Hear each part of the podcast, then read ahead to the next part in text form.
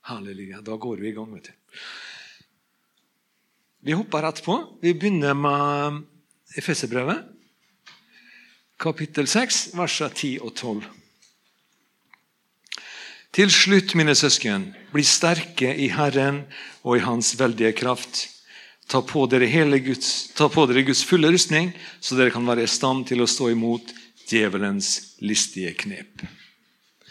Dette er kjente vers for oss alle. Og Oftest når vi leser eller hører forkynnelse til disse versene hjemme, så er fokuset på det som kommer etterpå, om Guds fulle rustning, troens skjold og frelsens hjelm og åndens sverd, som er Guds ord. Og Det er god og det er viktig forkynnelse for oss alle. Men selvfølgelig så må vi kjenne til, og vi må ta på oss og ta i bruk den rustningen som Gud har gitt oss. Den er en viktig del av utrustninga for enhver kriger som kjemper i den åndelige kampen som vi møter, og som vi står i hver eneste dag. Og Vi må vite om rustningen, og vi må kjenne den så godt at vi stoler på den. At jeg stoler på at den beskytter oss mot alle angrep og mot alle de pilene som djevelen skyter mot oss. Men se for deg et bilde av denne her krigeren som står i rustningen. Du ser ikke sant, blankpolert, skinnende rustning og et skarpt sverd og hjelm og sko på føttene og alt dette der. Men hva er det som er inni rustningen? Er det en stor og sterk og djerv og breiskuldra kriger, eller er det en av pingle som gjerne vil bare krype ut av rustningen og springe hjem til mammaen sin? Er skuldrene så smale og svake at brynja liksom bare glir av, og det er liksom ingenting inni. Bli sterke i Herren, sa Paulus. Sterke nok til å bære rustningen med stolthet. Sterke nok til å dra sverdet og gå inn i kampen. Og gjøre en forskjell. Og hvordan blir vi det? Legg merke til Paulus sier 'bli sterke i Herren'. Han sier ikke at 'dere er sterke i Herren'. Bli sterk i Herren. Og Vi som er her i dagens Norge, og som har det så godt, og som har alt vi trenger på alle kanter, er ikke vi sterke nok, da? Er vi det? Min tanke, min observasjon, er det at jo bedre vi har det utad, jo mindre styrke trenger vi å bygge innad. I krisesituasjoner, i, i nød i, Vi ser i deler av verden der kristendommen har vanskelige kår. Der er de troende sterkere. Sterkere i Herren.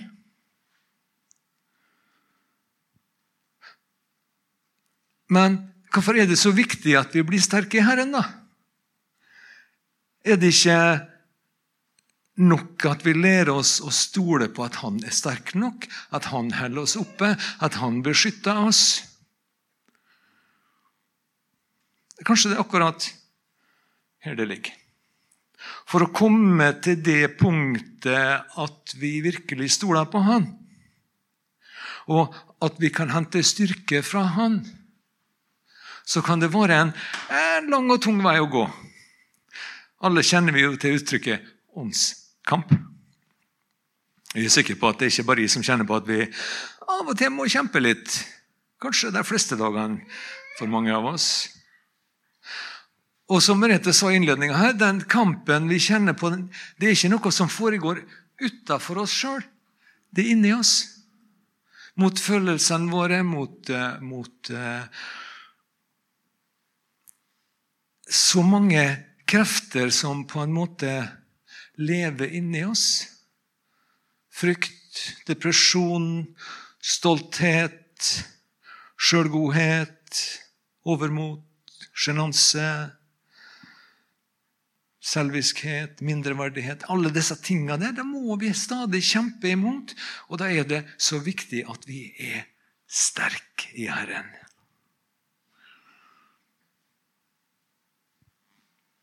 Paulus sier at kjøttet begjærer mot ånden, og motsatt. Vi kan se i Galaterbrevet 5, og versene 16 og 17 kommer opp på skjermen her. Vi skal lese ifra, ifra 16 til og med 25. Men jeg sier, vandre i ånden, da skal dere slett ikke fullføre det kjøttet begjærer. For kjøttet står imot ånden, og ånden imot kjøttet. Disse to står imot hverandre for at, vi ikke, for at dere ikke skal gjøre de ting dere vil. Men hvis dere blir ledet av ånden, da er dere ikke under loven. Kjøttets gjerninger er åpenbare. De er ekteskapsbrudd, hor, urenhet, skamløs utukt, avgudsdyrkelse, trolldom, hat, stridigheter, sjalusi, vrede, selvhevdelse, splittelse, partier, ho, misunnelse, mord, drukkenskap, umoralsk festing og lignende gjerninger. Om disse gjerningene sier jeg dere nå på forhånd, som jeg også sa til dere tidligere, at de som lever slik, skal ikke arve Guds rike. Men åndens frukt er kjærlighet, glede, fred, tålmodighet, vennlighet, godhet, trofasthet, taktmodighet og selvtukt. Dette er ikke loven imot. De som tilhører Jesus, har korsfestet kjøttet med alle dets lidenskaper og lyster. Hvis vi lever i Ånden, la oss da vandre i Ånden. La oss ikke trakte etter tom ære så vi egger eller misunner hverandre. Noen som kjennes igjen i noe av dette? Dette er en av grunnene til at det er så viktig å bli sterk i Herren. For vi trenger vi trenger å bruke vår vilje for å, for å tvinge oss sjøl til å vinne i denne konkurransen som er inni oss mellom det gamle og det nye mennesket. Hvis du skjønner hva jeg mener? Hvis du klarer å koble på det? De tankene og følelsene og holdningene og gjerningene som tilhører det uomvendte, gamle mennesket. De har ingenting i vårt gudsliv og vår tros, vårt trosliv å gjøre, vår vandring med Herren. Så den styrken vi bygger i Herren, den hjelper oss i denne forvandlinga som, som, som skjer i det vi korsfester kjøttet vårt.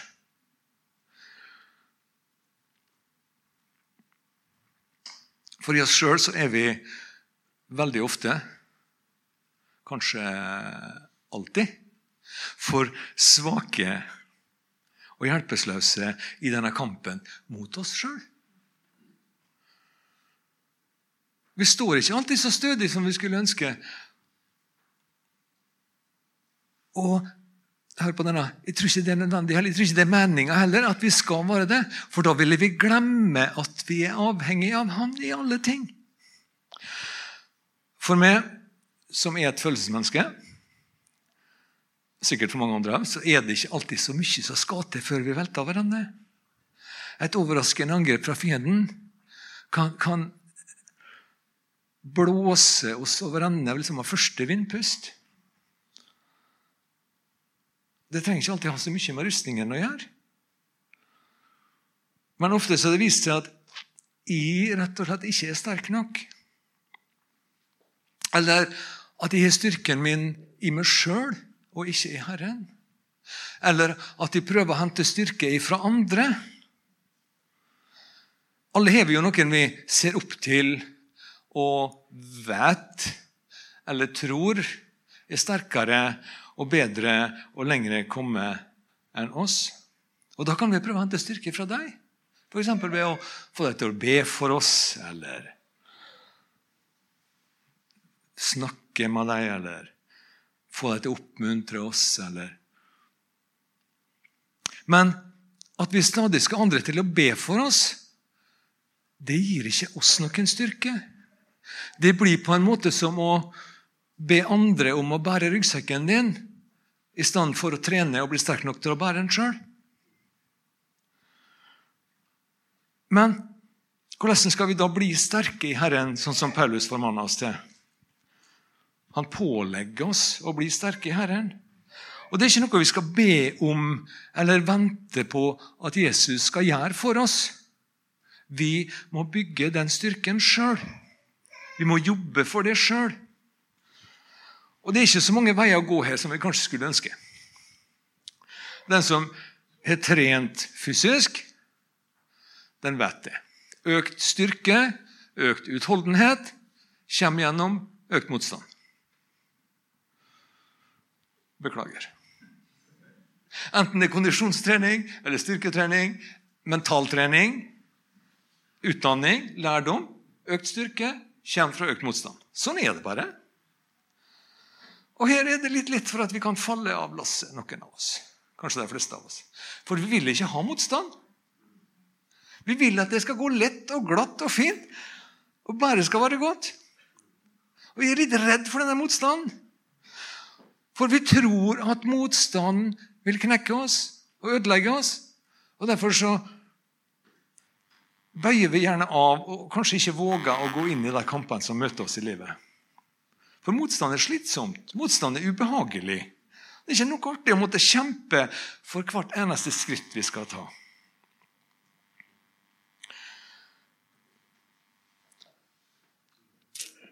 Når jeg gikk på, på høyskolen, HLT, for noen få år siden, så fikk jeg masse god lærdom, masse god teoretisk kunnskap. Og det er jo nyttig, nyttig og veldig bra å ha med seg. Men jeg har merket det at når jeg skal preke, så er det ikke så mye av det jeg faktisk bruker. For det jeg fikk med meg fra høyskolen, som er så mye nyttigere, det er erfaringer. Levd liv og utkjempa kamp. Jeg har fått så mye med Herren. Jeg har sett så mye merkelig i mellommenneskelige relasjoner. Jeg har opplevd så mye av menneskenaturen, både i meg sjøl og blant andre. Men selvfølgelig, det viktigste av alt jeg har sett og jeg har erfart at Herren er med i alle ting.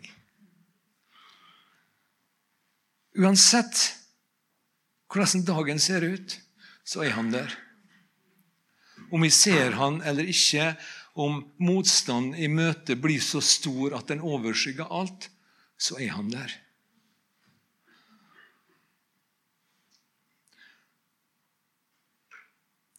På høyskolen var det selvfølgelig masse lesing og mange eksamener.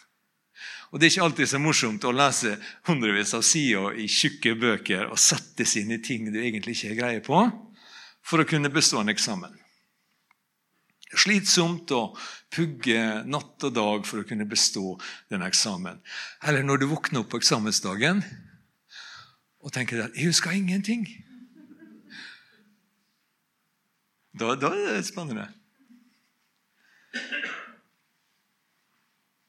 Og så, og så kommer disse tankene. Kanskje jeg ikke klarer å bestå. Hva skjer da?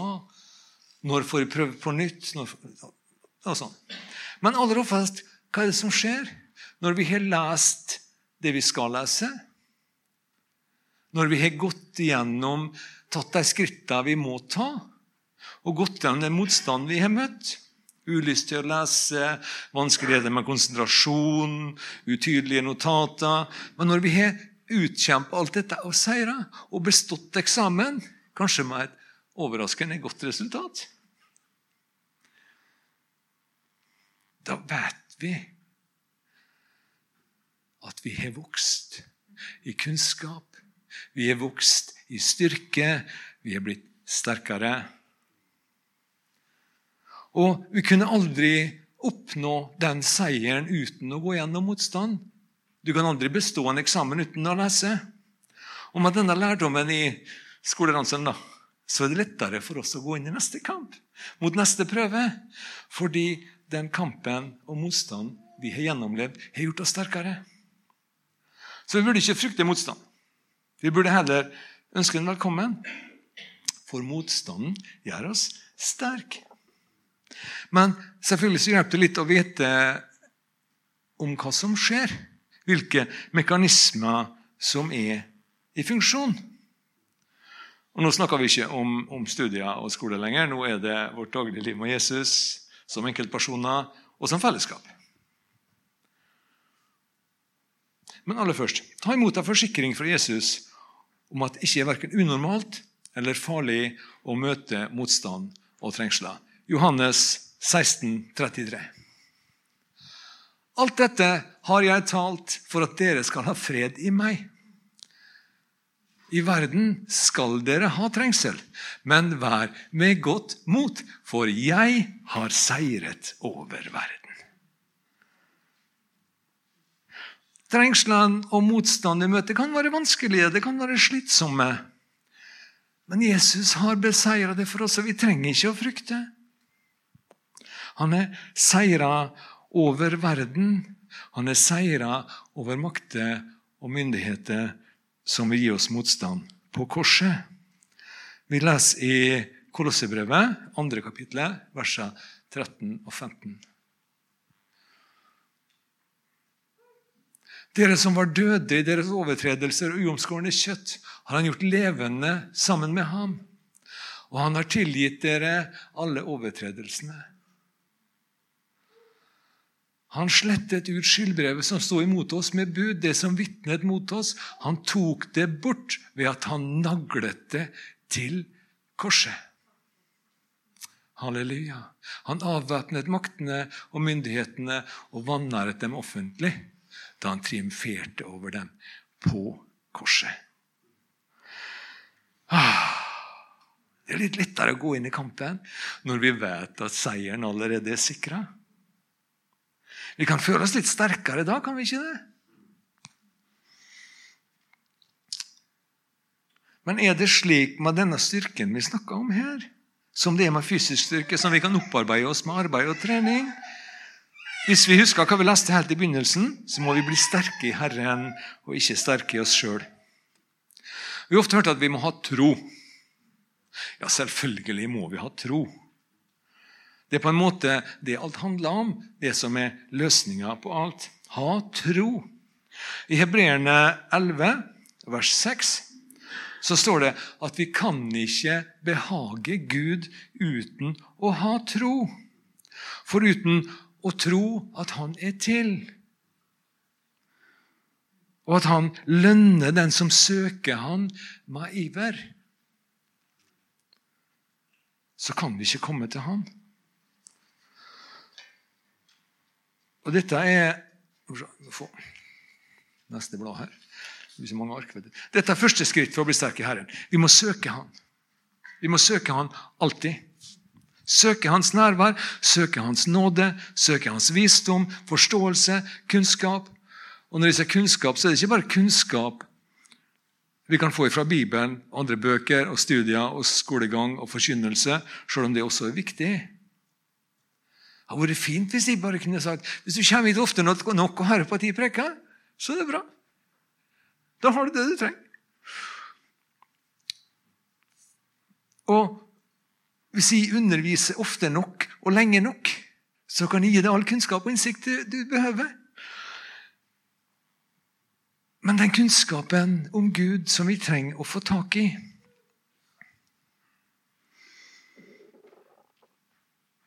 Det er den kunnskapen vi får med et nært og intimt kjennskap. Disse to henger så nøye sammen. Kunnskap om Gud og kjennskap til Gud. Å komme nær til Han og søke Hans hjelp og visdom og trøst i alle situasjoner vi møter, det bygger et kjennskap, det bygger relasjon, det bygger nærhet. Og en del av det å kjenne en person ikke sant, er jo det å ha kunnskap om den personen. Så disse to går hånd i hånd. Jo vanskeligere situasjonen er, desto viktigere er det at vi søker hans nærhet, og at vi er trygge på han. At vi allerede kjenner han. Hvis vi ikke kjenner Gud før vi kommer i en utfordrende situasjon, eller en prøvelse, eller i en fare, så blir det litt vanskeligere å, å søke Han og hente trygghet og tilflukt og trøst og styrke. Så det viktigste av alt vi kan gjøre, tror jeg, det er å bygge vår egen gudsrelasjon.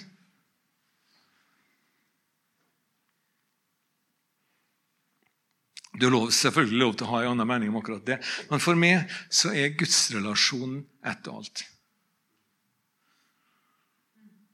Den som legger vekt på kunnskap i ordet, gjør ikke feil i det.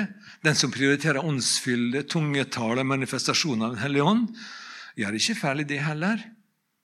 Noen legger vekt på gode gjerninger, andre på evangelisering, andre på praktiske ting.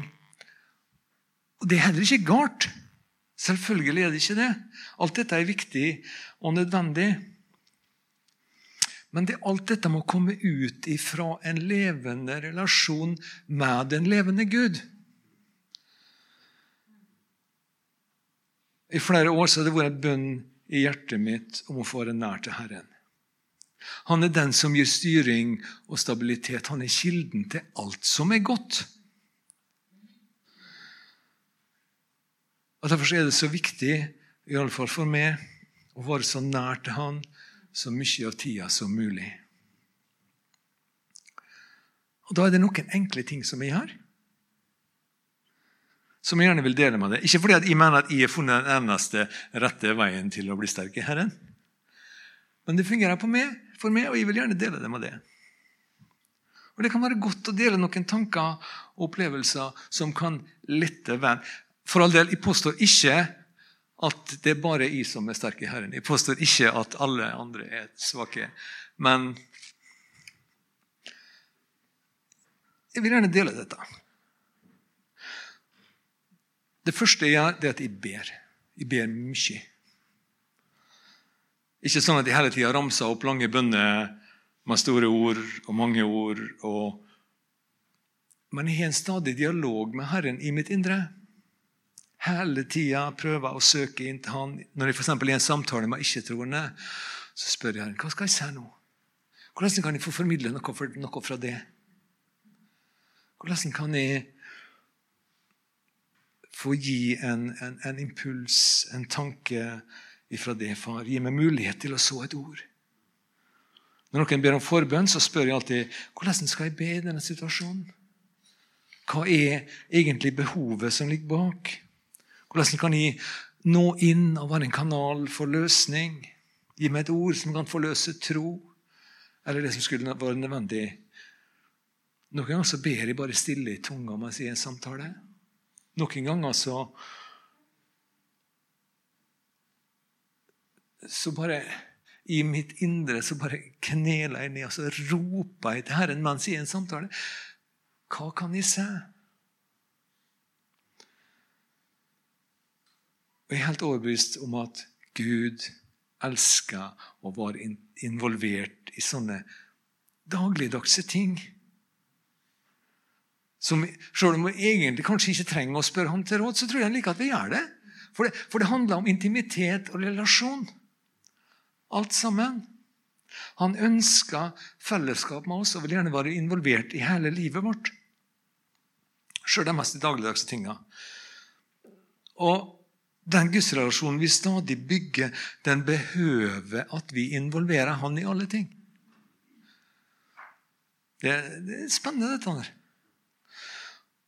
Og, og, når jeg bygger på denne måten og faktisk har med meg forståelsen og erfaringa av at Herren ønsker å være involvert i hele livet mitt, så gir det meg en helt annen tillit, en helt annen styrke og en helt annen relasjon med Han.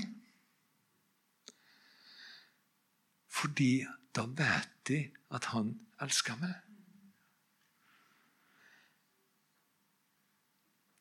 En dag for ikke lenge siden så satt de i bussen på vei hjem fra jobb og funderte litt over priser som stiger, og alt mulig blir så mye dyrere, og alt blir så mye vanskeligere. og Dieselprisen stiger, og matprisene stiger, og alt stiger. Og, og, sånt, og, sånne ting er litt for å liksom bygge på seg litt. Annet. Og så sier jeg bare til Gud at eh, jeg, jeg, trenger et sånn og sånn sum for å liksom løse ut en del ting. da. Og plutselig så stopper bare Herren meg i den tankerekka og sier nei. Ok? Ja, jeg tror Gud på en måte liker dette der å av og til dra oss ut av vår egen tankerekke og inn i si. Så han sa det at nei, du trenger ikke en pengesum. Du trenger å leve hver dag i min nåde. Og det er helt riktig. Det er det eneste jeg trenger. Så jeg bruker ikke mye tid på åndelig krigføring eller å be høyt og lenge med store ord. Mine bønner er veldig ofte lavmælte og enkle.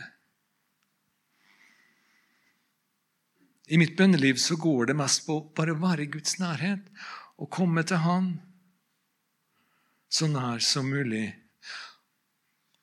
og I de siste la oss si, 10-12 åra har det stadig vært en bønn i mitt indre som, som er sånn at Kjære Gud, la meg bare få komme nær til det. La meg få krabbe opp på fanget ditt og legge øret inntil brystet ditt og høre hjerteslagene dine.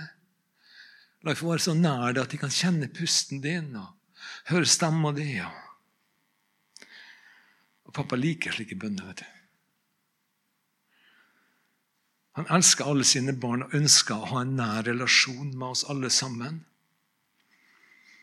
Han ønsker å være midtpunkt i alle sitt liv hele tida. Men det går da ikke an, det! Kan du si. Vi kan jo ikke hele tida bare tenke på Gud. Kan vi ikke det? Prøv, da. Om ikke hele tida, så prøv å bruke så mye du kan av din tid og oppmerksomhet på å komme nær til Herren. Og jeg lover deg, du vil ikke tape noen ting på det. Livet blir enklere. Du vil gjøre færre, færre. Du vil se flere, færre gale ting. Du vil si sårende og, og vonde ting til de du er glad i, mye sjeldnere.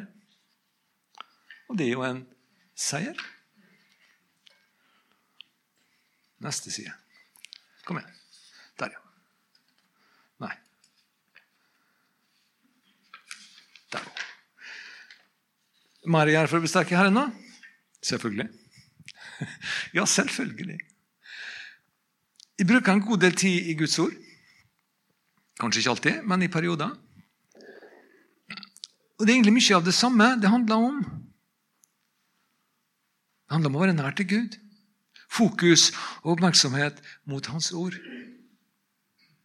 Som forteller oss hva Hans vilje er, som forteller oss hva vi trenger å tenke på, og hva vi trenger å handle på.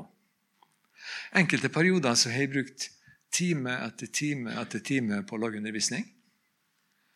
Når vi bodde i Isfjorden, så hadde jeg Eh, to ganger i måneden, tror jeg, hadde undervisningskvelder i, i Tresfjorden på kirkestua. Og, og, det var helt fantastisk å få, å få sitte sånn og lage undervisning. Og da flyter skrivepulten av bøker og bibler, bibelleksikon, gamle, gode, gamle illustrert bibelleksikon. Helt fantastisk. Og eh, oppslagsbøker og teologibøker, og da leser jeg teologi og kirkehistorie. Da koser jeg meg veldig.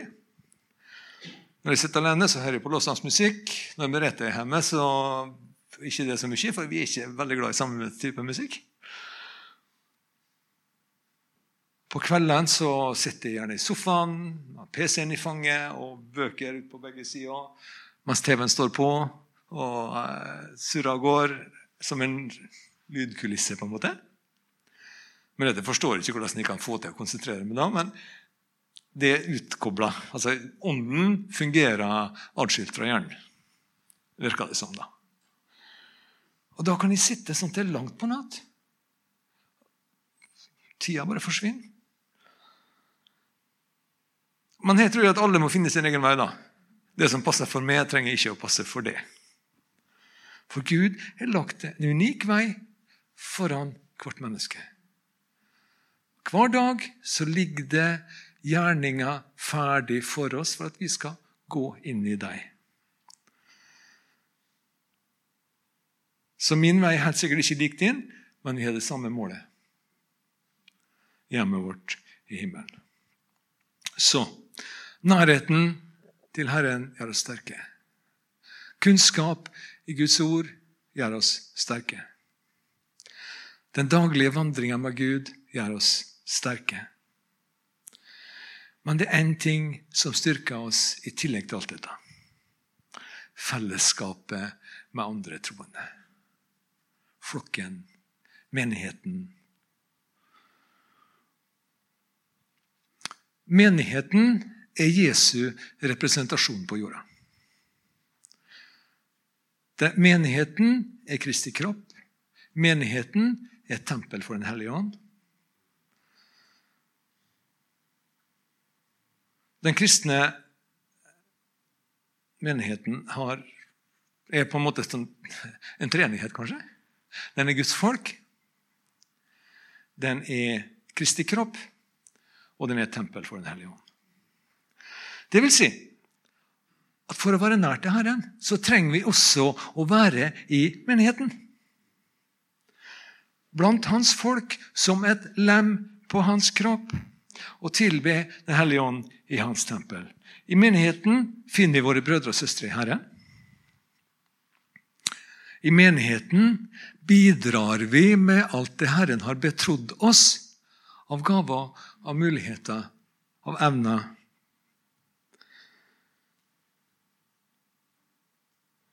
I menigheten får vi undervisning i ordet. I menigheten blir vi opplært til å bli disipler og gå ut og spre ordet. I menigheten oppmuntrer og bekrefter vi hverandre. Og Alle vet jo hvor mye oppmuntring og bekreftelse har å si. Det er så viktig. Vet du forresten hva det er å være en disippel? Det er ikke så vanskelig. Disippel er en elev eller lærling. Det er liksom det vi vanligvis ser. Men det er litt mer enn det. Disippelen han skal ikke bare lære det mesteren kan. Han skal ta opp i seg den kunnskapen, sånn at det blir en del av hans personlighet. Og han skal bli forma til sin mesters bilde. Slik at, at han får At han tar opp i seg mesterens væremåte og mesteren sin personlighet. Det er det disippelgjøring egentlig betyr. Det er litt mer enn å lære opp ungdommer til å gå ut og drive gateevangelisering. Og Det er en av grunnene til at det er så viktig å holde seg i og være trofast imot sin menighet. Her treffer vi vår mesters kropp. Her treffer vi hans folk.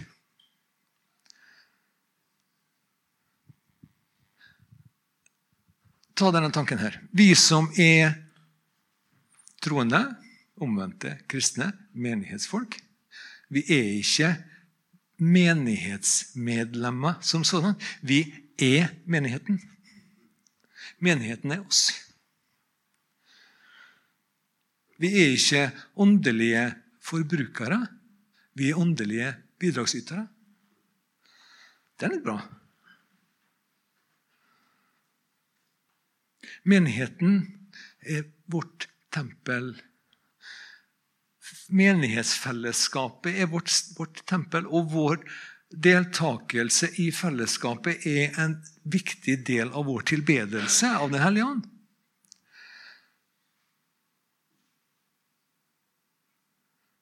Ah, det er godt. Det er godt.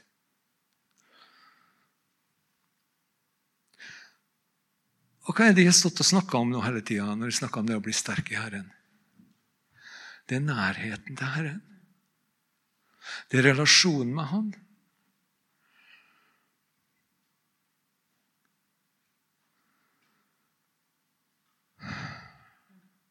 Relasjonen med Guds ord, relasjonen med Guds folk. Og sjøl om Paulus anbefaler og utfordre og, og, nesten kommandere oss til å bli sterke i Herren, så kan vi på en måte ikke bare bygge den styrken alene i oss sjøl. Den må bygges i relasjon med Han, og den må bygges i relasjon med hans folk. Og Så kommer disse gangene da, da vi opplever at vi kommer i en situasjon der vi ikke er så sterke som vi trodde vi var. Eller som vi mener at vi burde være. Hva gjør vi da? Den som er av, av fighter-typen, blir kanskje litt forarga. Den innbitte vinnertypen bare krummer ryggen og går på. Den litt sånn depressive kanskje bare bøyer av og gir opp. I alle år er min typiske reaksjon på slike ting våre å kaste det framme, gi opp, begynne på nytt med noe annet. Men jeg har aldri gitt opp. Altså, jeg har bare skifta fokus. Det er bare kjempa på, kjempa på, kjempa på. Og Mange har sagt til meg at 'Du er en fighter, du, Svein'. Du er tøffing, du. Men jeg nekta på det. Jeg tenkte at det er helt feil. Jeg ville bare ha fred, jeg ville bare ha ro, jeg ville bare ha det godt. Jeg ville ikke kjempe eller slåss med noen ting. Og så har jeg kjempa videre med andre ting. Gått på nye smeller blitt slått ned av nye nederlag og reist meg opp og gått videre. Var det ikke en fighter i? Nei, ikke denne gutten. Og midt i alle nederlag, og alle fiaskoer, og depresjon og frykt og med svette og tårer Opp og videre og kjempe på. Men vet du hva? Så mye fighter jeg er eller ikke er, så hjelper det ingenting uten min Herre og Frelser. Jeg er, og jeg vil alltid være, fullstendig avhengig av Han. Helt til slutt nå så skal vi lese 2. Korinterbrev, 12, versene 9 og 10. Derfor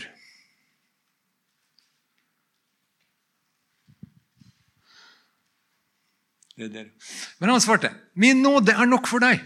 Min kraft blir fullendt i svakhet. Derfor vil jeg mest av alt rose meg av min svakhet, for at Kristi kraft kan hvile over meg. Derfor gleder jeg meg midt i min svakhet.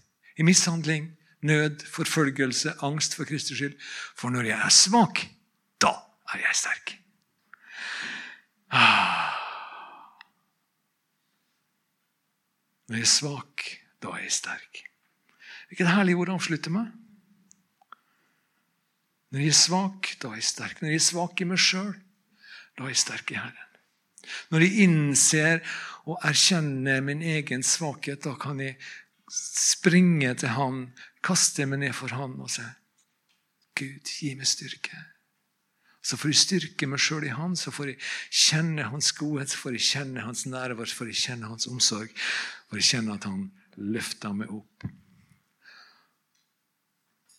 Og så bygges det i hjertet mitt en tillit til Han som er ubrytelig, og som aldri som aldri lar meg ligge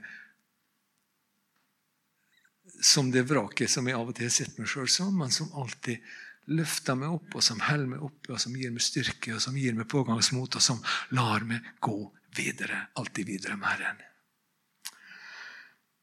Halleluja. Ved å søke inn i Hans nærvær, ved å leve et bedende liv, ved å stadig søke i Ordet, ved å oppsøke og bli værende trofast i menigheten. Ved å legge vekk alle forsøk på å klare det sjøl. Å være god nok i egne evner, sterk nok i egen styrke og egne muligheter. Det vil aldri bli godt nok uansett.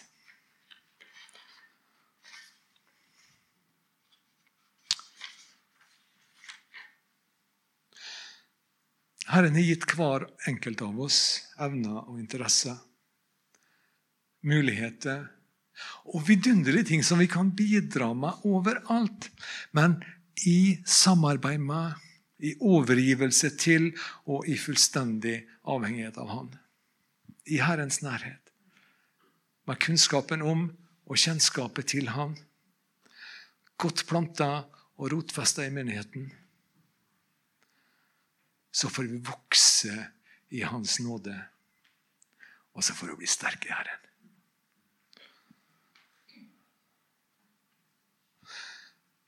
Kjære himmelske Far, jeg bare lover å prise deg. takker deg for det som jeg får lov til å dele nå. Jeg, jeg tror at det er inspirert av din ånd, far. Jeg bare takker deg at uh, ditt ord har nådd inn i alle åpne hjerter, alle lydhøre hjerter. Jeg bare takker deg at du ønsker å dra oss alle nær til det, og du ønsker at vi skal bli sterke i det. At vi skal stå som sterke krigere, iført din fulle rustning, og være klar til å gå inn i enhver kamp som møter oss. I Jesu navn. Amen.